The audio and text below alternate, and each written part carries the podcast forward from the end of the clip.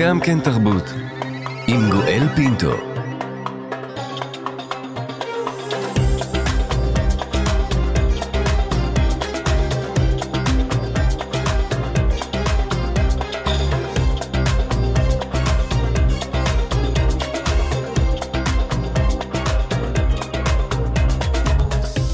שלום שלום לכולכם, אנחנו כאן, גם כן תרבות, מגזין התרבות של ישראל בשבוע ה-11 למלחמת שבעה באוקטובר, מנסים להשיג נחמה, להתאחד, להרגיש יחד בימים הקשים שעוטפים את כולנו. יותר מ-1400 ישראלים, אזרחים וחיילים נרצחו, כ-240 נחטפו לעזה ואלפים נפצעו. אנחנו כאן, כאן תרבות. עוד ועוד מתים, עוד ועוד הרוגים, עוד ועוד בשורות רעות נחתות על כולנו. חיילים שבים אל הוריהם בארונות, שבויים מתגלים כמתים, ויש כאלה, כמו האסון שניחת עלינו ביום שישי, שנורים בשוגג על ידי אש כוחותינו. כולנו, הורים וילדים, אחים, אחיות ובני זוג, נמצאים אה, בחודש השלישי ללחימה במצב של בריחה מבשורה, כמאמר שם ספרו של דוד גרוסמן. רק שלא יבואו אלינו, רק שלא ידפקו בדלת שלנו, רק שחיינו שלנו לא יחרבו. ננסה לדבר כעת על הלך הרוח של הרצון לברוח. נעשה זאת עם מי שלצערנו הרב לא הצליח לברוח מן הבשורה, השחקן שלמה וישינסקי, שבנו ליאור נהרג בפעילות מבצעית בעזה בשנת 2004. שלמה, שלום לך. שלום. תודה רבה שאתה נמצא איתנו הבוקר. איך אתה חווה, אם תרשה לי, את כל ההותר לפרסום הזה של כל בוקר בחודשיים האחרונים? אה, מה אני אגיד לך? אני, אני די... אני המום מכל מה שקרה, אבל אה, פחות או יותר התעשתתי. אני נמצא עם אה, קרן ליאור כל יום, אז אני יורד הרבה למטה, ואנחנו, יש לנו... קרן ליאור היא תרבות ואומנות לחיילי צה"ל, ביד התיאטרון הקאמרי, ואנחנו פועלים כל יום. ומה שגיליתי בחודשיים האחרונים, ש... שצה"ל, חיילי צה"ל, לא זקוקים רק לגרביים ותחתונים וגרביים, אלא הם זקוקים לספרים. Hmm. ואנחנו מורידים להם ספרים כל יום, כל פעם ליחידה אחרת, והם עטים על הספרים. Hmm. אני לא האמנתי שזה, שרבים על ספר. ואני מביא ארגזים של ספרים לכל מיני יחידות בצבא שנמצאות בעזה כשהם הם, הם בכינוס או הם יוצאים רגע לנפוש, אז דבר ראשון הם רוצים ספר טוב. ואנחנו הקמנו בצבא כבר 30 ספריות ביחידות אה, מרוחקות, כן, יחידות סגורות, אבל להביא לשטח ספרים, וזה מצרך שאתם תאמינו, באים מכוניות של מהצבא לתיאטרון הקאמרי, ואנחנו מורידים להם ארגזים ספרים. ספרי קריאה כמובן, ספרות טובה. ואיזה חיילים אתה פוגש? זהו, אני לא האמנתי. אני לא האמנתי שאנשים אה, אה, רבים איתי על סופרים. תביא לנו עוד אה, אשכול נבו, או שתביאו את ישי שריד. הם יודעים מה ש... Mm. ואני חושב שאני אה, הבנתי את העניין הזה, לכן הקמתי ספריות לפני הרבה שנים, כבר 30 ספריות בצבא. ספריות יפות, אה, לא סתם ספריות, גם מכובדות, לא איקאה, אלא mm. מסנדוויץ' וזכוכית וזה, וזה נמצא ביחידות והם שומרים על זה כעל בבת עיניהם, וחיילים מחליפים ספרים ב, ב, ביחידות, אה, את יודעת, ממש... פורים, בעיקר ביחידות סגורות, כן? Mm-hmm. אני לא עשיתי ספרייה במטכ"ל בתל אביב, כן. אבל הגעתי מ...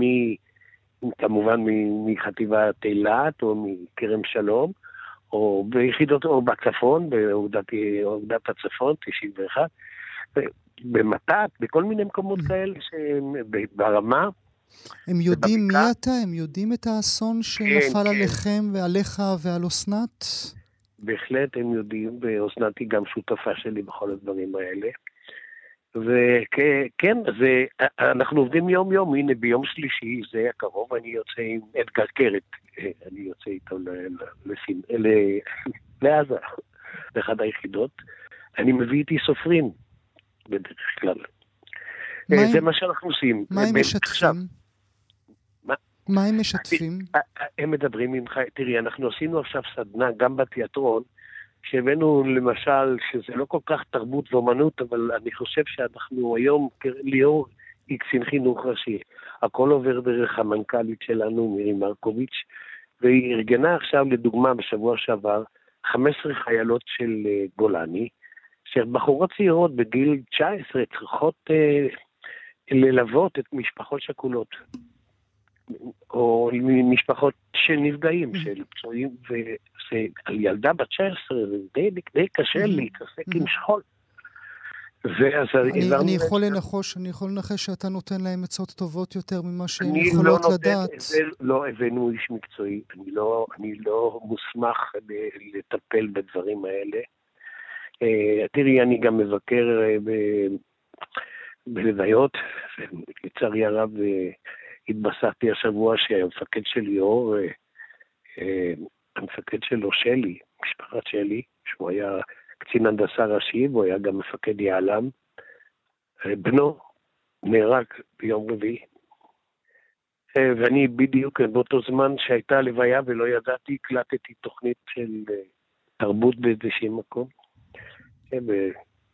אה, אז אני הייתי אתמול, ב... הייתי ביום שישי, ניחום אבלים, והאם, שהיא מכירה אותי, כי כל שנה ביום ערב יום הזיכרון הם אצלי בבית, זה אנשים שאני מכיר. היא לא עזבה אותי לשעה, רק חיבקה אותי כי היא שאבה ממני, כי אני מבין את העניין, mm-hmm. כנראה. Mm-hmm. אז... אה, הם גם הרגשת שגם הם רצו לברוח מהבשורה? אה, אני, אני רוצה להגיד לך משהו. אני, אני, אני יכול לספר סיפור קצר על שקרה לא, גם לי וגם לביתי. אני זוכר שאני בזמנו כשזה קרה, מה שקרה, אני במקרה עברתי, שיחקתי טניס, ופתאום הרגשתי לא טוב, הרגשתי שמשהו לא בסדר. באמצע המשחק, ולקחתי את הכלבה ונכנסתי לאוטו ונסעתי לתחנת הדלק למלא דלק ולנסוע הביתה. בדרך מרחוב רוקח לתזנון, לתחנת הדלק, אני שומע שנפגעו אה, בציר פילדלפי. לא, לא, לא אמרו מה, אבל שצה"ל רטה תקרית בציר פילדלפי. ואז אני ידעתי שקרה משהו לליאור, כי ניסיתי לצלצל אליו והוא לא ענה לי. ובדרך כלל מישהו אחר היה עונה, לא, הטלפון לא ענה. מילאתי דלק, וכשעמדתי לנסוע, עצר אותי השחקן יוסי פולק ואומר לי, וישי, אתה לא נורמלי, אתה השארת את הטלפון על הגג של האוטו. Mm. התחלתי לנסוע. אז אמרתי לו, אני נורא, אני חושב שליאור נהרג. הוא אומר לי, מה אתה לא... אמרו לך משהו? אמרתי לו, לא, ונסעתי הביתה. נסעתי הביתה וטלפנתי לכל מיני מקומות, לכל מיני מקומות, אה, אה, כמו לצבא ולבתי חולים, לשאול אם הגיעו פצועים, וכולם התעלמו, אמרו, לא, אם יהיה משהו, יודיעו לך. ואני ידעתי שקרה משהו, רע. ואמרתי לביתי שישבה בחדר, להכין לה שיעורים, תפסיקי להכין שיעורים, אחיך נהרג. היא אמרה לי, איך אתה מדבר? מה אתה מדבר שטויות? סגרה לי את הדלת, טרקה לי את הדלת והמשיכה לעשות שיעורים. ולא הסכימה לקבל את זה עד שלא דפקו בדלת אחרי שמונה שעות. ודפקו בדלת. ודפקו בדלת. ואז היא התפרצה בבכי, אבל היא היא, היא, היא לא רצה לשמוע את זה. אני אתן לך דוגמה מה זה לברוח מצורה. Mm. אני ביזרתי לה והיא לא רצה לשמוע. ואתה לא רצית כמו אורה, הגיבורה של דוד גרוסמן, פשוט ללכת, לברוח, ש... שהדופקים בדלת לא ימצאו את הדלת? אני, אני, מה שלי זה לא קרה, כי אני ידעתי, אני, אני חייתי ב, ב, ליאור כל יום נכנס לציון פילדלפי, פעמיים, שלוש פעמים ביום, וירד למנהרות של... הוא, הוא הקים, הוא בן... היו שמונה חיילים שהסכימו לעשות את העבודה הזאת, אז התנדבו. והוא ידע שהוא ייהרג. זאת אומרת, אה, תראייני את כוכבי, אז הוא יגיד לך, אם הוא היה יורד, לא היה יודע אם חוזר, כי לא ידע תמיד מי מחכה לו למטה, והוא היה יורד רק עם אקדח ולא עם בובקר, ולא נכנס, היו מנהרות קטנות של 40 סנטימטר על 40, ובעומק של 18 מטר. כל פעם שהיו מורידים אותו, הוא היה נפרד, והוא אומר, לא יודע מה יהיה. והוא עשה את זה הרבה. הוא עשה את זה המון, המון פעמים, אולי שלוש פעמים ביום. אז uh, הוא ידע שבסוף הוא ייהרג. הוא אמר, כל הזמן יורים עליי, אבל הם מפספסים. אבל פעם אחת הם פגעו. אז החבר'ה האלה ידעו שהם לא יחזרו. הם ידעו שהם לא יחזרו. וליאור אמר לי שכנראה שהוא לא יחזור, אבל שאלתי אותו, אני לא רוצה להישאר, אני הייתי בוטה מאוד, אמרתי לו, למה עשית? למה התנדבת? יכולת להיות קצין היום וללכת לקורס? הוא אמר, לא, אני צריך לשמור עליכם שאוטובוסים לא יתפוצצו בתל אביב. וזה היה בחור תל אביבי רגיל שלא היה בתנועת נוער. שהפך ברים ודיסקוטקים בתל אביבי. כן, איך תדע מאיפה קורץ החומר הזה, ואני רואה את החיילים היום. Mm. עוד יותר טוב ממה שהיו פעם. זה אותו חומר, נכון? זה יותר טוב. להסתכל עליהם ולא להאמין. לא להאמין. עכשיו שואלים אותי, תגיד לי, אתה יורד למטה ואתה חושב על ליאור? אני אומר, לא. בבוקר, כשאני קם, אני רואה את התמונה של ליאור לנגד עיניי. אבל כשאני נכנס לפנים, אני חושב על הילדים האלה, אני לא. חושב על ליאור, אני לא יכול לבוא עם ליאור לשם. אף על פי שאני רוצה לומר לך שביחידות הקרביות, הם יודעים על ליאור, הם שואלים אותי, ספר לנו על ליאור. דבר איתנו על ליאור. זה חשוב להם. אבל זה לא גורם לך, ליאור, ההימצאות של ליאור לא גורמת לך... לא, ל... לא, לא, לא, אני, אני, אני לא עם ליאור עכשיו, אני עם, עם, עם הצעירים האלה ש, שכל יום נופל מישהו, וזה אסון, אסון עצום. את יודעת, לפני שלושה, ארבעה חודשים, אסנת ואני נסענו לרעים, לבסיס, mm. לרעים, כי החטיבה הדרומית ציינה 39 שנה, 35 אה, שנה לקיומה, וליאור היה בין תשעת החיילים ששפלו. הזמינו את המשפחות השכולות, וחממי, חמם אחת, עשה איתנו רק כיסופים ושתלו תשעת שקד בכיסופים על הגדר. והיינו איתו, והיינו איתו בארוחת ערב איתו, והנה הוא נהרג. ובאתי ללוויה שלהם, בקריית שאול, ביד הקבר של ליאור, לא רחוק. עשרה מטרים מליאור. והמשפחה ביקשה שאני אשב לידם. והם ידעו מי אני, וביקשו שאני אשב איתם. הם רצו להיות קרובים אליי, כי חממי סיפר להם על הביקור שלי ושל אסנת. אז אה, הם מבקשים את קרבתי עכשיו, אבל אני לא, אני לא יכול לנחם. אני לא יודע איך לנחם. אז אה, אני לא הצלחתי לברוח. כי אין מילים? כי אין מילים? אין לי מילים לנחם. אני, אני מוכן, אני אומר, אני אהיה איתכם, אבל אני לא יכול לנחם אתכם. אני מצטער שאני מדבר ככה, אבל זה... זה, זה, זה המצב. אפשר לדבר. אה, את רואה, אה, אה, שלי, המפקד שלי, הייתי אצלם בבית, הם מחבקים אותי ורוצים שאני אהיה איתם, כי, כי אני בעל ניסיון. Mm. והם רואים שאני ממשיך לחיות. ואני חי ואני עובד, ואתמול הייתה לי בערב הצגה בשוהם, ואני ממשיך, לה, אני, והדעות שלי לא השתנו. אני זוכר שכעסו עליי מאוד על אמרה שאמרתי, כשהודיעו לי ש... שנה וחצי או שנתיים אחרי שליאור נהרג, נסעתי להצגה והודיעו לי היוכפז שלכם, כן, הוא זוכר את זה. הוא הודיע לי באמצע ש...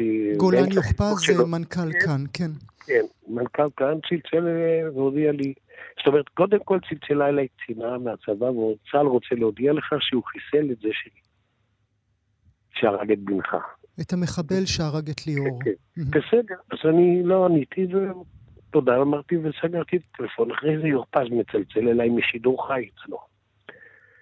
ואומר לי, שלום, וישינסקי, ואני בדרך להצגה לגן שמואל עם, עם הכס בוואן. הוא שואל אותי, תגיד לי, אה, וישינסקי, מה אתה אומר, אה, מה, אתה רוצה, אה, מה התגובה שלך על זה שצה"ל הצליח לחסל את זה שהרג את בנך? אז אמרתי לו, מסכנה אימא שלו. אז הוא אומר לי, זה מה שאתה אומר על זה שצה"ל הצליח? אמרתי, מה אתה רוצה? אתה לא שמח? אמרתי, כתוב אצלנו בתורה שאל תשמח בנפול אויבך, אז אני לא שמח. תעשו שלום, אז אני אשמח. מאוד כעסו עליי על האמרה הזאת, גם יוחפז כעס עליי, אני חושב. וגם היום היית עונה את אותה תשובה? אותו דבר. מסכנה אימא שלו? כן, כן. אה, אה, תראה, אני לא מתכוון לחמאס. אני לא מתכוון, אני לא, אני, את רואה שאני שמה ואני חושב שצריכים לחסל אותם, והם לא, אני לא, הם לא שהם לא בני אדם, הם לא מוסלמים בכלל. הם לא בני אדם. הם, אני לא רוצה להגיד חיות, כי חיות לא מתנהגות כך. Mm-hmm. אבל אה, יחד עם זה, אני, אני לא מסכים ש... ש... איזה פלאח אה, אה, פלסטיני שהולך אה, למסיק הזיתים שלו, שיפגעו בו. אני חושב שזה גם טרור. Mm-hmm. אז אני אומר את זה. ואמרו לי, אבל זה לא הזמן המתאים לדבר על זה. אמרתי, אז מתי זה הזמן המתאים? כל הזמן אומרים לנו, זה לא הזמן, זה לא הזמן, זה, זה לא כן נכון, הזמן. זה הזמן, זה... אני רוצה להיות בן אדם. ו... ואף אחד, אני, אני רוצה להגיד לך שאם אני אשתוק, אז אני שותף. Mm. זאת אומרת, לא אם, אם אני אשאל, לפני כשנה כמדומני אנחנו שוחחנו כאן בתוכנית אודות סרט תיעודי על אבות שכולים, לצדך היה חסן גדיר. וזה נכון. העלה אצלי את השאלה האם היחס שלך השתנה לחברים. מה פתאום? חסן, חסן זה לא חבר שלי, זה משפחה שלי. אנחנו את החגים חוגגים יחד. את ליל הסדר, אני, הם היו אצלי בבית, והבן של, של, בן דוד של, של היימן גדיר, שנהרג יחד עם בני, עם בני מגדוד הסיור המדברי הבדואי, שישב עם ליאור, הוא הגן על ליאור, הוא יצא כ, כ, כמאבטח עם ליאור לפעולה הזאתי, כי ליאור היה עסוק עם חומרי נפץ ודברים כאלה. הוא נהרג עם בני. ויום אחד קיבלתי טלפון מהסבא. שלום, מדבר אה, סלאח גדיר, כן, הוא הסבא. אמר, אתה וישינסקי? הוא אומר, כן. אני הייתי רוצה לפגוש אותך. אני נורא התרגשתי מזה. אמרתי, בבקשה, בבקשה. הוא אומר לי, תראה, הילדים שלנו התנדפו באוויר. לכן אנחנו צריכים להיות מחוברים בקרקע. ואני נפגשתי איתו בשבת אצל אלעזר שטרן בבית, והכרתי משפחה שהיא היום המשפחה שלי. אז אני גם, אה, הבדואים קוראים לי אבו ליאור. כן, ומכבדים אותי מאוד, אבל אני אני רוצה לומר לך שאני בקשר יומיומי עם המשפחה הזאת. זה לא... את יודעת, בליל הסדר, דודו הצעיר, בן דוד הקטן, גנב את האפיקומן, בדואי. היום הוא במגלן. אני חושב שהבדואי הראשון שהוא במגלן. זה כנראה מספר את כל הסיפור uh, כולו. אולי מילה לסיום, אם, uh, אם תרשה לנו. הבשורה הזו שעליה אנחנו מדברים כל הזמן, היא נמצאת, היא שוכנת קבע 24-7 בלב שלך, או שאפשר לברוח ממנה אחרי? אי אפשר לברוח. כל בוקר כשאני קם, אני קם עם ליאור. אבל היום ממשיך, אני לא יכול, אני לא... תראי, אני הולך ברחוב, אני לא רוצה שאנשים... אני, כשאני רואה משפחה שכולה, אני משתדל לעבור מדרכה, כי לא נעים לי להיפגש. אני שוכח שאני משפחה שכולה. אה, אני לא יכול להסביר את זה, אבל כל בוקר אני עם ליאור וכל לילה אני עם ליאור. החדר שלי, חדר השינה שלי, מוצב בתמונות ענקיות, תמונות שמן של ליאור. אז כשאני קם ופותח את העיניים, דבר ראשון אני רואה את ליאור. אז אני קם עם ליאור ויושן עם ליאור. אבל במשך היום אני, אני משתדל, במקרה, כמו היום, כמו, כמו, כמו, כמו שאנחנו נמצאים היום, אני, אני חושב על החיילים הצעירים האלה שהולכים, על המשפחות השכולות החדשות. מה הולך לקרות להם? מה הם הולכים לעבור? איזה גיהנום. וכל יום עוד אה, גיהנום קטן. השחקן אה, שלמה וישינסקי, אני רוצה להודות לך מאוד. תודה שהיית איתנו הבוקר. תודה רבה לך. ולסיום השיחה הזאת אני רוצה, מאזינות ומאזינים, אה, לשלוח אתכם אה, לשמוע את דוד גרוסמן עצמו, קורא את מילות הסיום של אישה בורחת בבשורה, כפי שקרה בתוכניתה של ענת שרון בלייס. ואם עופר לוהט את אורה ומבטה הולך ומזדגג מולו, וקמת חדש, אנכי ועמוק ושחור נחרץ פתאום בין עיניה, אם הוא אברהם אוחז בכתפיה ומטלטל אותה בטירוף. אפילו אל תחשבי ככה. היא ממשיכה לדבר, אבל הוא כבר לא שומע, הוא מהדק אותה אליו ונושק את פניה, והיא לא מתמסרת לו ולנשיקותיו, רק את קליפת פניה היא מניחה לו. אתה תזכור, אתה תזכור, היא ממלמלת, את עופר, אתה תזכור את החיים שלו, את כל החיים שלו, נכון? עוד דקות ארוכות הם ישבו במסתור המכתש הזעיר, חבוקים זה בזה כמו פליטי שערה. לאט חזרו הקולות, זמזום דבורה, ציוץ דק של ציפור, קולות של פועלים מקימים בית אי שם בעמק. אז התירה אורה את גופה מגופו ונשכבה על צידה על מדף הסלע. את ברכיה משכה אל בטנה והניחה את לחייה על כף ידה הפשוטה. עיניה היו פקוחות ולא ראו דבר. אברהם ישב לידה ואצבעותיו ריחפו מעל פניה, נוגעות לא נוגעות. רוח קלה נשבה, ריחות של זעתר וסירה קוצנית ומשב מתוק של יערה מילאו את האוויר. תחת גופה היו האבן הצוננת וההר כולו, עצום ודחוס ואינסופי. היא חשבה, כל כך דקה קליפת כדור הארץ. אנחנו כאן. כאן תרבות. 453 חללים, נופלים, גיבורי ישראל נהרגו מה-7 באוקטובר, 82 מהם שירתו בחטיבת גולני, יותר מכל שאר חטיבות החי"ר גם יחד.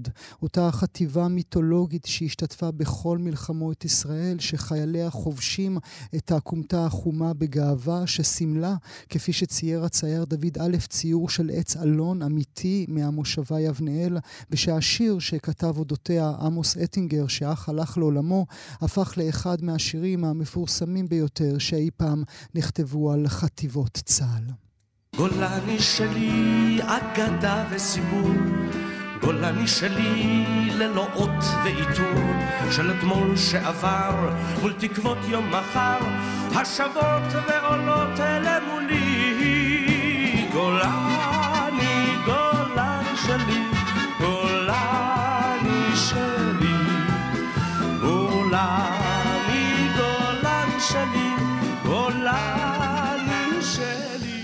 גולני שלי, אגדה וסיפור, גולני שלי ללא אות אה, ועיטור. נברך לשלום את רז גלוזמן, איש תרבות שגדל בקיבוץ חולתה בגליל, חי במצפה רמון, מלמד מחול ששירת בחטיבת גולני בשנים 2002 ו-2005. שלום רז. שלום גואל, בוקר טוב. בוקר טוב, תודה רבה שאתה נמצא איתנו. ולצידך, המוסיקאי גלעד ויטל שמעון, חבר בלהקת שוטי הנבואה, ששירת בגולני 1988 עד 1991. שלום גלעד. שלום, בוקר טוב. תודה רבה שאתה נמצא איתנו. גלעד, אני רוצה להתחיל איתך. מה זה להיות גולנצ'יק? מה זה להיות גולנצ'יק? זה... גולנצ'יק זה ארץ ישראל, זה האדמה הזאתי, זה הטבע החום של הכומתה הזאתי. וזה המון המון הקטע של המורשת, שעכשיו אני מבין כמה עוצמה יש לדבר הזה, שמורשת זה בעצם ירושה. מה נשאר להוריש אה, אחרי קרבות? איזושהי ירושה, איזושהי גדילה מהדבר הזה, ואיזושהי התפתחות, ולאו... זה לא המקום של הירידה. אז כן, אז זה גולני, זה... רצית לשרת שם? זו הייתה המטרה שלך? אה, לא, הייתי, הייתי פרופיל 97, אמרתי אני הולך להיות לוחם וזה, חשבתי על שריון כמו אח שלי, חשבתי על צנחנים, אבל איך שהגעתי לבקו"ם וראיתי את הצבעים האלה ואת העץ, עלה לי אז כאילו איזה זיכרון. אז אה, ככה, באמת, בלי לחשוב פעמיים, יאללה, נלך לגולני. וזהו. אתה מדבר על החיבור לאדמה, זה גם בא מהמקום הזה שבו גדלת, במטולה? בהחלט, בטח. זה הצבע של האדמה הזאת, היא החומה, אני גם זוכר את אה, לבנון, את רצועות הביטחון, אה, מה זה זוכר? זוכר הכל. אה, זה, זה, זה פשוט גולני, גולני זה, זה גם כל עם ישראל, אתה יודע, שאומרים, אה, זה, האמת היא שכל הצבא היום הוא כזה. כור ההיתוך שמדברים עליו, מדברים על גולני, נכון? כן, אגב, היום גייסתי את הבן שלי. אוי. היום הוא התגייס, המתוק שלי, ואני בטבריה מול הכנרת, מדבר איתכם. אז אה, כן. גם הוא גולנצ'יק? לא, הוא לא יהיה גולנצ'יק, הוא בן יחיד, אבל הוא רוצה והוא משגע אותי. הוא רוצה גדוד 13. בוא נראה מה יקרה, נו, מה אני אגיד לך? אתה פוחד? בטח, עליו כן, עליי לא פחדתי בלירה. אבל גם אני סומך, תאמין לי, אתה יודע, הכל מדויק. אתה פוגש את החיילים של היום, גלעד? אתה רואה מאיזה חומר הם אה, כן, עשויים? כן. אני גם לפני המלחמה אה, עושה הרבה מורשת קרב בב"ח, בבסיס אימונים ובמקומות של הסיירת, אז אני בערך שש שנים מלווה את החטיבה ב... במורשת קרב וטקסים וכל מיני שטויות כאלה שמזמינים אותי. ובטח, אני, אם תיכנס לפייסבוק שלי, אתה תראה מה אני כותב על הדור הזה כבר לפני שנה. Mm, אני אומר, בואנה, יש תקווה. mm. זה דור נוצץ, זה דור זוהר. האנשים האלה לא לוקחים את גולני כמו שאני, יאו, איזה זין, ו... סליחה, אופס, אבל אני גולנצ'יק, אז זה יוצא. מותר, מותר אצלי, כן, מותר. אז אה, לא, זה יוצא, זה באמת השפה, ואתה מדבר איתי על גולני. אז אה, באמת אתה יכול לראות שהדבר הזה... אתה רואה אה, שהם אחרת? כי הרי דיברנו עליהם המון המון דברים רעים. אמרנו שהם דור טיקטוק. אמרנו לא, עליהם לא. שהם במסכים, שהם לא באמת איתנו. בוא ניתן לך סיפורון. זה דור שלוקח את זה כאתגר, הוא לא לוקח את זה כעונש. ורק חובה. יש פה אתגר. אתה, קודם כל הם אה, נראים הרבה יותר טוב וחזקים ועם כושר, מה שאנחנו היינו... תן לנו רק לנוח שנייה, אנחנו פדלאות ישנים. אבל יום אחד אני יוצא עם המש"קית חינוך החוצה, ואוכלים תותים מהעץ, היה שם עץ תותים בבח, ואני רואה שני חיילים, יום שישי. ואני אומר לה, אתה יודע מה זה קאדרים, אתה גם מודל 70, אני עשיתי עליך תחקיר קטן אמנם, אבל... אז קאדרים, אז אני רואה שניים שם בשדה וזה, ואחד הולך לידו, אני אומר לה, תגידי, מה זה, הוא מקדר אותו לפני שבת? אז היא אמרה לי, מה פתאום, הם מתאמנים, היה להם זמן חופש קצת, אז הם הלכו להתאמן, סתם שתי חיילים. וואו. נפלה לי הלסת, אחי, לא עושים וואו. דברים כאלה. וואו. הולכים לנקר, כאילו, ולהיות ראש קטן. אבל לא, זה החבר'ה. הם לוקחים את זה כאתגר, הם לוקחים את זה כ... אתה יודע איך הם שומעים במורשת קרב? אנחנו היינו מנמנמים. אל תשחק לי אותה, אתה גם בגיל שלי. אנחנו היינו מנמנמים בכל הזדמנות, יעני, רק תן לי לכבות את המנוע.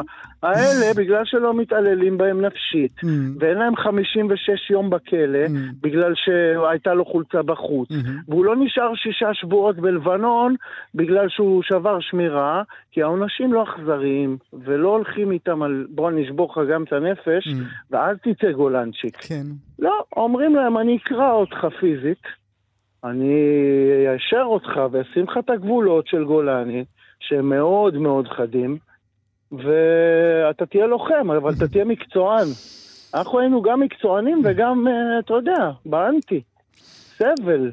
מעבר לקווים בלבנון שלא נגמרו. שוטי הנבואה, נו- נו- נו- נו- הלהקה נולדה שם, בגולני? הלהקה נולדה בזכות השירות בגולני. Mm, ממ- ממקום של השירות בגולני, כי אני זוכר שהייתי בארצות הברית ב-94, והיה פה בלאגן וכרגיל. אגב, אין גלים של טרור, זה קבוע, זה פשוט ים, וזה המצב הקבוע. כשיש שקט, זה, זה, זה הקלאס. זה היוצא אתה מבין? דופן. זה הקלאס או קלאס, זה יכול להיות להרבה זמן, אתה יודע, אם נהיה הרבה זמן כמו שצריך חזקים ומכסחים, אז כן, אז יהיה שקט הרבה זמן. יש שלום תמידי, כשתהיה חזק תמידית. אז איך הלהקה נולדה. שם בעצם? אז הלהקה, אני הייתי בארצות הברית, והיו פה פיגועים, והרגשתי שוואו, אני חייב לחזור, זה היה אחרי עשרה חודשים, ואתה יודע איך זה, אתה לא אין לך על מה לחזור, כי אתה כולה אזרח, אבל בכל זאת אתה מתחרפן, אתה, אתה רוצה לבוא לעזור, וכמו עכשיו. וראיתי שאין לי מה, לפני שחזרתי, וגם היה לי איזה סרט עם הברזל וכל הזה, בגלל המאגים והיריות וזה, לפני זה נהייתי מכונאי. אבל אחרי הצבא לא היה בא לי יותר על הברזל וזה, לא קישרתי את זה שזה קשור ל... אתה יודע, כל הברזל שהיה שם. אז uh, אמרתי, יאללה, אני אלך לעשות זה, אני חוזר לארץ, אני מקים את הלהקה שחשבתי עליה עם רועי, חבר שלי מגיל עשר. עכשיו אנחנו חוזרים. אני חוזר לארץ ומקימים את זה, אנחנו הולכים לשמח את עם ישראל. וחזרתי, אשכרה כמו גולנצ'יק, לבצע איזושהי משימה, ולקח לי שש שנים. עברתי לגור בתל אביב, חייתי בכל מיני חורים, עבדתי באופנועים, בניקיונות, מה לא. אבל בסוף זה קם. והמשימה וזה הזו... גם גולני, זה גם גולני, אחי. זה גם, אני לא עוזב, אין, אין לוותר על המשימה. אם יש את המשימה, ואתה לומד מזה כל כך הרבה. ואתה יודע, הרבה פעמים, אני רוצה להגיד אפילו לחיילים עכשיו אולי ששומעים אותנו והם אה, מגויסים, המילואים, אתם יודעים שאחרי זה, תמיד אחרי מלחמות, אני כבר חוויתי הרבה כאלה, גם גדלתי במטולה, אז אני מכיר את העניין הזה, שבא לך לשכוח מזה, ואז אחרי שזה עובר, ואז אתה גם שוכח את כל הטוב שזה נתן. Mm. אני חושב שהתפקיד שלנו יהיה אחרי המלחמה, בעזרת השם, זה לשמור, לזכור, לזכור מה זה גם כן היה טוב בזה, ומה נתן לנו בתוך זה, ואיך היינו ביחד. ואיך אנחנו, תשמע, אין פה... ומעניין באמת אם הביחד הזה עוד יישאר. בוא נשים נקודה, ברשותך, גלעד, אני רוצה לעבור אל רז. כן. רז, אה, לתחושתי, כמו שאמרתי, גם אתה גולנצ'יק, 2002 עד 2005, נכון. אתה מלמד מחול במצפה רמון. אה, בכלל, איש אה, מחול שגם עסקת בעבודה מעניינת שלך, אודות השירות הצבאי שלך. אתה חש את התחושות שגלעד חש, או שאצלך זה יותר הדברים הקשים שחווית שם? אני מאוד מאוד התחברתי גם לבסיס אה, של החיבור לאדמה, שגלעד הזכיר, וגם לבסיס של החיבור לתקווה. של מי שעבר אה, כזאת תופת, יכול להכיר מבעד השנים את ה... לזכור שיש את היכולת אה, לגדול מתוך זה, mm. לקיים חיים מלאים, שלמים. אני באמת לשיעור המחול הראשון שלי הגעתי עם אקדח. עם אקדח. עבדתי, עבדתי ביחידת אבטחה ממשלתית בשנים אחרי השירות הצבאי, אחרי שהשתחררתי. עשיתי את מה שהיה לי קל ופשוט ומאוד נגיש לעשות. הגוף שלי היה מוכן לזה אה, אחרי הרבה שנים. ולאט לאט, בלי להבין, התחלתי להפריד בין הדברים. זה הגוף הרוקד, שמשרת אותי על במה, משרת אותי בחזרות, וזה הגוף של הזיכרון של כל מה שקשור ללחימה ששמתי בצד. ויום אחד באמת, במקרה, הגיע איזשהו בחור ששירת באותה יחידה שלי, הגיע, שם את התיק בכניסה, הוא היה בחופשת שחרור, ולא עבר רגע, וזיהיתי ברחוק, אולי מעל עשרה מטרים, את הסמל של היחידה, את העץ של גולני. Hmm. ולקח לי כמה שנים להבין את uh, מידת הניתוק שהייתי צריך לעשות בין המחול לבין מה שקדם לו. אמ, כי שנים לא חשבתי שאני אוכל אה, לחבר בין השניים. זה לא משהו שהיה קיים, זה לא הולך ביחד, לא שהיה אה. רקדן עם גולנצ'יק. כביכול, אבל הנה, כמו הרבה דברים אחרים שכביכול סותרים בחיים שלי, זה הולך ביחד. והכניסה שלי לתוך בסיס של יצירה, אה, של אמנות, היה מתוך המקום הזה שבחרתי באופן מודע, אחרי uh, מאבק נפשי, אחרי התמודדות, אחרי שנפגעתי ועברתי שיקום ארוך, לקחת את הידע הגופני הזה, לקחת את החוויות הנפשיות האינטנסיביות, שהיום אני מברך עליהן, אני שמח על זה שעברתי את המצבי קצה, כששום סיטואציה אחרת בחיים כנראה לא היו מביאים אותי לכאלו, והחלטתי לשים את זה על במה. באותם שנים חייתי בגרמניה, אה, חייתי לצד סבי, בברלין, אמ, ועברתי תהליך של שחרור אישי ושחרור אה, מקצועי, אמנותי, מהרבה בחינות מכל מה שהיה. אבל זה, זה, מהמקום שגלעד, זה מהמקום שגלעד אמר לנו קודם, שבגולני לא מוותרים על משימה, פשוט עושים אותה, ממשיכים קדימה? לדעתי הכניסה שלי לעולם המחול הייתה כזאת, היא כמו חייל, כמו גולנצ'יק. אמ, התחלתי עכשיו, אחרי הצבא, אני פשוט אעשה טירונות, אני אעשה אימון מתקדם, אני אעשה אימון יחידה, אני פשוט אתאמן כל יום בלי הפסקה, מה זה? מה זה כבר אה, שיעורי בלט או שיעורי מחול מודרני ליד כל אה, תרגול אחר? אז ככה, באופן הטוטלי הזה גם אני... ואז גילית שפליה יותר קשה? לא, לא בהכרח, הרבה יותר קל. רק mm. נדמה שזה, שזה כל כך קשה. אמ, אבל עשיתי את ההפרדה הזאת, וכשחזרתי לארץ, כשהחלטתי להעלות את העבודה הזאת, היא לא הייתה לי ברירה. כמעט והעליתי אותה בגרמניה. את גוף נשק. Mm-hmm. את האיסוף של כל החוויות הגופניות, אה, הלוחמות של הגוף שלי, של הנפש שלי, אספתי לכדי יצירה לבמה. Mm-hmm. והבנתי שאם אני אציג את זה בגרמניה, זה יהיה קל יותר, זה יישאר בתור דימוי אמנותי. Mm-hmm. וכשהגעתי עם זה לארץ, העבודה עלתה בדיוק עשר שנים לפרוץ מלחמת לבנון השנייה, שבה לחמתי כבר במילואים. והיא לא הייתה בתואם עם עולם המחול, עם עולם האומנות. כמו שאתה אומר, אה, גולנצ'יק לא עלה על במה. ולכל ההופעות שלי אה, היה סיום מאוד מאוד דומה של אה, בחורים שלא הכרתי שהגיעו בסוף ההופעה ואמרו לי, אני לא יודע מה זה מחול, מעולם לא הייתי במופע, תודה רבה לך. איזה יפה זה, איזה יפה זה. היה את האפשרות הזאת שלי, שאחר כך הפסקתי ברגע שהתחילה להעמיס עליי מדי. אולי לספר קצת, אולי קצת לשחרר את הבלבול שנשאר בגוף.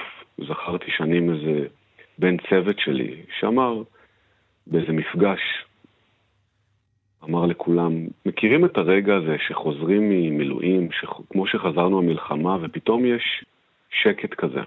כאילו אף אחד מסביבי לא מבין אותי. וככה ממש הרגשתי בגרמניה, כשגם הישראלים שהיו חברים שלי, ברובם המוחלט לא היו לוחמים. וחבר אחד שנכנס לעולם המחול לחם בנחל, אבל פתאום ראה את העבודה שלי, ראה את היצירה שלי לא רק בתור דימוי אמנותי, ראה אותה בתור חיבור לתוך החוויה שלו, לתוך מה שהוא עבר, לתוך הטוטליות הבלתי מתפשרת הזאת, אה, שעולם המחול גם הוא ידוע בה, mm-hmm, אבל לא באותה אינטנסיביות. אני לצערי צריך uh, לשים uh, נקודה.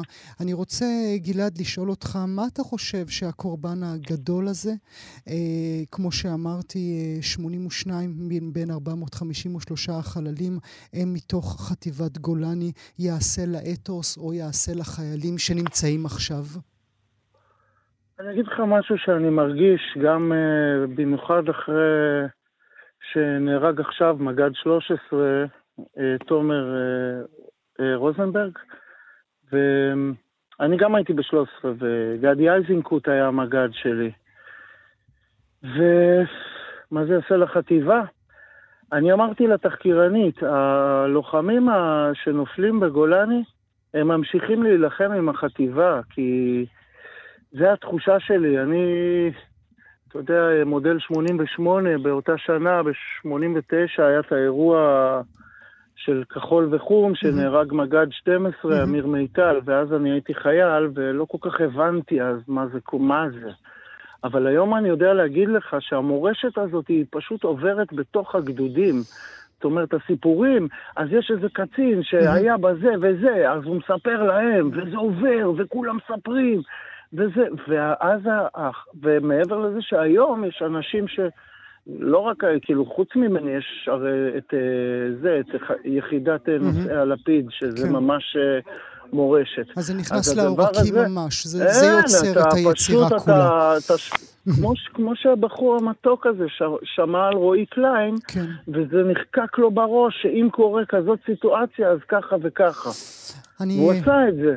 אנחנו uh, כמובן נשלח uh, נחמה לכל משפחות ההרוגים מתוך גולני ומתוך שאר כל החילות. רז גלוזמן וגלעד ויטל שמעון, תודה רבה לשניכם שהייתם איתנו הבוקר. תודה רבה ושנשמע בשורות טובות. אנחנו כאן. כאן תרבות. במלאת שנה למותו של יצחק קלפטר, כשמלחמה מתחוללת ושוברת את ליבנו, משחררת גלי עטרי גרסה מחודשת לשיר ארץ טירוף ונביאים. בוא נשמע אותו. וחוזרים מן הכאב והדמעות, שולחים את היונים מן התיבות. החוזרים מן הכאב והדמעות שולחים את היונים מן התיבות. אה, שורה חדשה בתוך השיר הפנטסטי הזה, ארץ טירוף ונביאים, אה, שיר שיצא רעה אור ב-1988 כחלק מהאלבום המצליח מאוד של גלי עטרי צעד אחד לפני הנהר, והנה במלאת שנה למותו של קלפטר, גלי עטרי מחדשת אותו, ואף uh, הכותב, ברוך פרידלנד, מוסיף לו את המילים שציטטנו כעת. גלי עטרי, שלום לך. שלום, בוקר טוב. תודה שאת נמצאת איתנו. מה שלומך, גלי? מה שלום המשפחה? אה, בסדר, אתה יודע. אה, כולם עונים את התשובות האלה, כן, בסדר, יחסית כן, למצב. כן. במקום להגיד את האמת בעצם, mm. שלא לא שלאגר.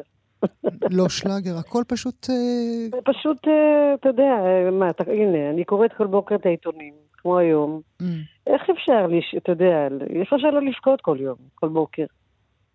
אבל, אתה יודע, וגם אני וגם השיר אומרים ש... כאילו, זה לא יקרה עכשיו, אבל לא יכול להיות שלא יהיה טוב למי שצודק, אתה יודע. אמ, איש לאיש יצא בהבטחה, קץ לבכי, לכאב, תקוות יש. כן. כן. אבל נראה שעבדו עלינו קצת, גלי. כן. הבטיחו לנו דברים יפים. תשמע, אחרי 75 שנה, לא 75 שנה, אחרי, אה, מקום המדינה, כן, 75 שנה, מדממות וקשות, למרות שיש לנו ארץ יפהפייה ואהובה. אי אפשר, אה, כאילו, אתה יודע, אני לא מרגישה שעבדו עלינו, אני מרגישה שזה הגורל שלנו, mm. כל הזמן. לא, יש פעם, אה, יש תקופות יפות, ברור. יש תקופות של, יש רגעים של אושר והכול, אבל אנחנו מדינה של אה, שכול ויתמות, זה לא יעזור, אנחנו... למות בה זה עניין של יומיומי כמעט, שגרה כי... לא רוצה להגיד את זה כאילו, אבל כאילו זה לא קורה במדינות דמוקרטיות בעולם, שאתה רואה שזה כמעט דבר יומיומי הדבר הזה, זה כל החיים שלנו, כל העשרות שנים האלה. אז אני אומרת... אה, אבל לא... ככה, ככה האמנו ש, ש, ש, ש, שיקרה לנו, ידענו שזה ארץ של יתמות ושכול, וחווינו נכון, כולנו... נכון, אבל כל פעם הייתה תקווה והתאכזבנו מחדש כל פעם. Mm-hmm. התקווה לא מתה. Mm-hmm. עדיין, גם עכשיו. גם עכשיו, אני מקווה שזה טוב, אתה יודע. כמו שיש איזה משפט שאומר, אה, צחוק, אה, צחוק הילד יצלצל מחר, mm-hmm. מכסה את שעון הלב. Mm-hmm. זה לא שלא יהיה רעש בלב וצרות. אבל צחוק הילד ינצח. כן, קודם כל זה הדבר הכי אמיתי שיש. וכשאתה, גם כשאתה בתקופה הכי קשה שלך בחיים, ואתה שומע צחוק אמיתי של ילד, אתה, אתה צוחק צחוק. אמיתי. היה, אז, היה ככה? את זוכרת אווירה ציבורית כזאת? את זוכרת אסון כזה על ישראל? אה, תראה, יש לי הרגשה שאנשים מדור קצת יותר צעיר לא חוו, לא חוו על בשרם מלחמה. פתאום אני חושבת על זה, אתה יודע, היה מבצעים והיה זה שזה ברור שזה היה תופת בכל מקרה, אבל מלחמה אמיתית ככה, שכל יום מפרסמים לך פרחים צעירים כאלה, שאתה פשוט לא יכול uh, לעמוד בזה, כן? Mm-hmm. היה לנו את זה כל הזמן. היה לנו את זה כל הזמן. אני חושבת שהדור הזה, הצעיר, ובוא נגיד משהו ביניים גם, סביבות ה-40 וזה, הם בשוק. Mm-hmm. בשוק. זה, זה, זה עשרות שנים אנחנו ככה. כי הם לא חוו את, את הדפיקה בדלת. הם לא חוו, הם לא חוו את זה על בשרם, אתה יודע. אם אתה, לפעמים אתה, אתה לא נמצא באיזה מקום, אפילו להיות נוכח בזמן מלחמה אמיתית כזאת, ש, שכל יום, אתה יודע, מסוכן, מפחיד. אה, אתה שואל שאלות על התקווה גם, אתה יודע, אבל... Mm-hmm.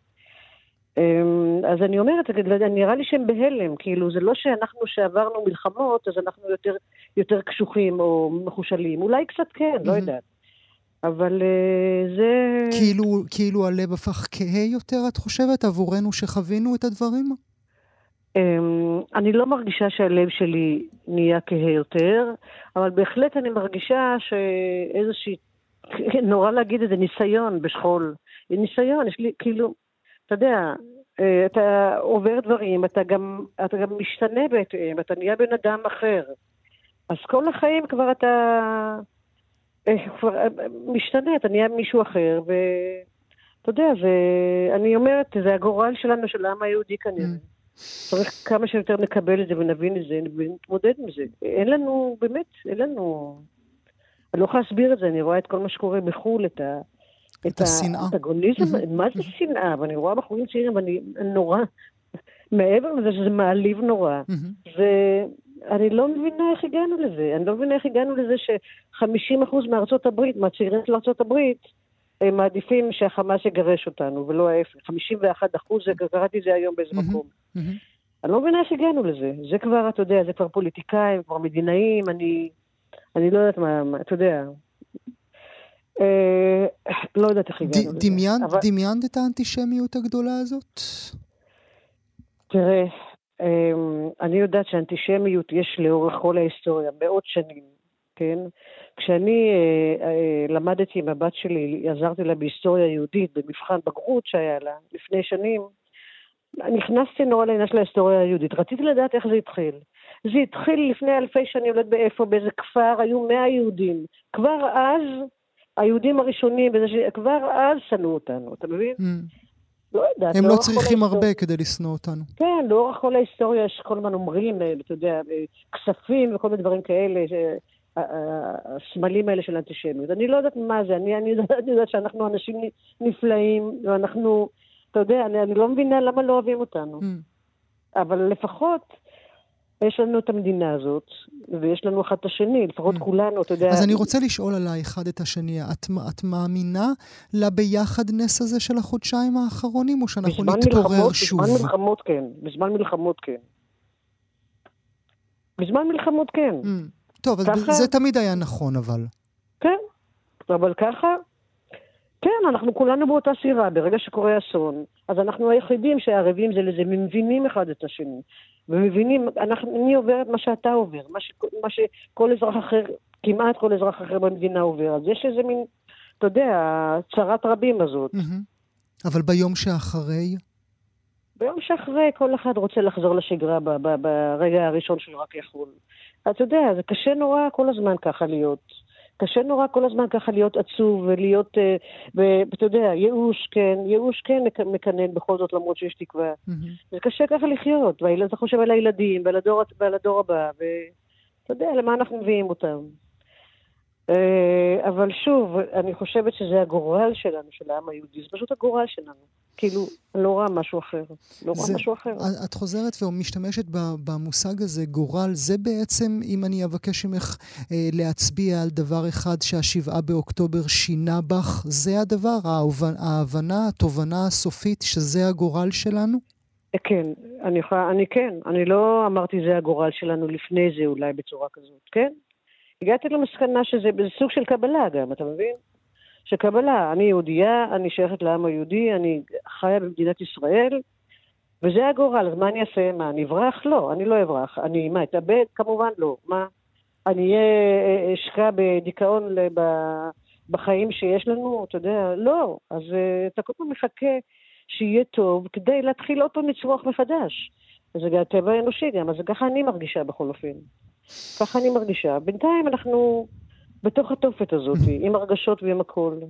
אבל אני אומרת, הנחמה הזאת בכל זאת שיש, שאנחנו הישראלים, אה, אנחנו היחידים כאילו מכל העולם שמרגישים אחד את השני בקטע הזה, שיודעים מה כל אחד עובר. כן. אז זו תחושה של אה, יחד, יש פה איזה משהו יחד, למרות שזה, אתה יודע, שחור קצת, אבל... כן, מחפשים את הטוב, מחפשים את הטוב כל הזמן. ואני אה. באמת מאמינה שה... זה, זה, זה, אתה יודע, המדינה שלנו היא מדינה של ניגודים. מצד אחד, עכשיו זה כלניות, יש כלניות וסביונים, ויש שבעת המינים, יש לנו וגפנים ורימונים. אבל יחד עם זה יש לנו יתמות ושכול, ואתה יודע, מה אני אגיד לך, באמת. הדפיקה בדלת בבית הפרטי שלכם בבית משפחת עטרי שינתה משהו? העובדה ששיילי עטרי איבדה את יהב, יהב וינר? בהחלט, בהחלט, כן, בהחלט. אמ, קודם כל זה קרה באיזושהי קונסטלציה מזעזעת. כאילו כל הסיפור הזה היה שוק והלם. התעוררנו בשבע בבוקר לאזעקה, ואנחנו פשוט לא, לא מאמינים למה שאנחנו שומעים, רואים וקוראים. לא מאמינים. לא מאמינים. עד היום אני לא מאמינה ליום הראשון הזה. Mm. עד היום אני לא מבינה את זה. אני לא מבינה את זה עד היום. Um, תשמע, אני מאמינה שאני ואחרים אולי חומלים יותר, מכילים יותר. Uh, אני חושבת שכאילו נהיה אנשים טובים יותר אולי. באמת. בסך הכל. העצב רב כל כך. תגידי מילה, אה, בכל זאת אנחנו נשמע עכשיו אה, שוב את הגרסה המחודשת שלך לארץ טירוף ונביאים, ובעיקר כן. באמת את השירה, את השורה הכל כך יפה, והעדינה, עדינה, עדינה, שברוך נכון. הוסיף לשיר, החוזרים נכון. מן הכאב והדמעות, שולחים את היונים אה, מן התיבות. זו הייתה בקשה שלך שהתייחס אל הרגע עצמו? זו הייתה בקשה שלי לשנות קצת מילים. אה, שיתאימו יותר לתקופה הזאת. כן, בהחלט. וכמובן שהכנסתי את זה ל-wishful thinking שלי, שאפילו אלה שחוזרים מהתופת, הם בעצמם ירצו לשלוח את היונים מהתיבות, אתה יודע, mm. לא, לא לוותר. למרות הכל. למרות הכל. וגם למרות את הכל. לא מוותרת, גלי, למרות לא, הכל? אני בהחלט, אני בהחלט לא מוותרת. בהחלט לא. לא אוותר, מה פתאום. גלי עטרי, אהבה ממני, תודה רבה שהיית איתנו תודה הבוקר. רבה, מאוד נהניתי עם השיחה הזאת. תודה, גלי. רגע- זה היה מרגש. תודה לך. ביי. ומבשרים